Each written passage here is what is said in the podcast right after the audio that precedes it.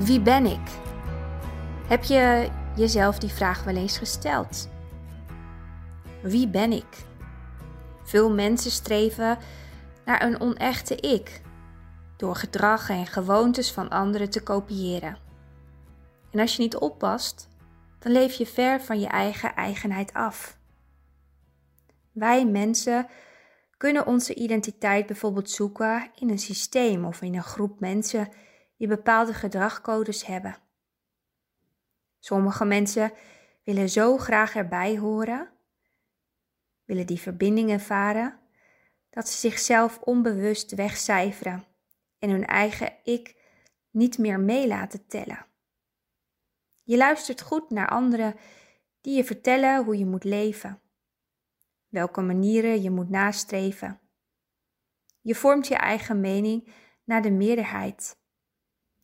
En daarmee stop je met dromen. Al je gevoelens en keuzes versmelten met het systeem. Je denkt, ik moet in de pas lopen, want anders stel ik niet meer mee. En voor je het weet, luister je naar mensen en oordeel je mee wanneer een ander anders is. Het is een schijnveiligheid waarvan je deel uitmaakt.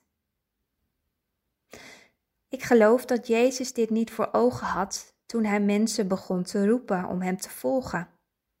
Het is niet zijn bedoeling geweest om iedereen in dezelfde pas te laten lopen. God is heel veelzijdig en al die verschillende eigenschappen heeft hij verdeeld over zijn kinderen. En daardoor mag jij iets unieks weerspiegelen en uitstralen van God. Al Gods eigenschappen komen tot zijn recht wanneer wij mensen niet met elkaar versmelten.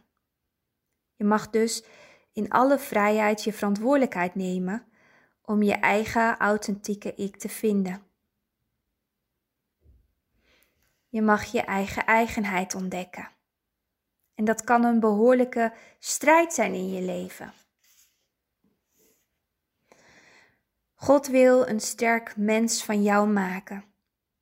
Een man, een vrouw die weet hoe God je heeft bedoeld. Een mens die vanuit haar of zijn eigen levenservaring wijze woorden verspreidt. Die trouw is aan God en van daaruit andere liefdevolle lessen meegeeft. Niet omdat je een kopie bent van een ander. Nee, je weet waar jouw eigen identiteit ligt. In Jezus Christus. Broers, zussen, ga de aankomende tijd eens aan de slag met je authentieke ik. En geef antwoord op de vraag: wie ben ik?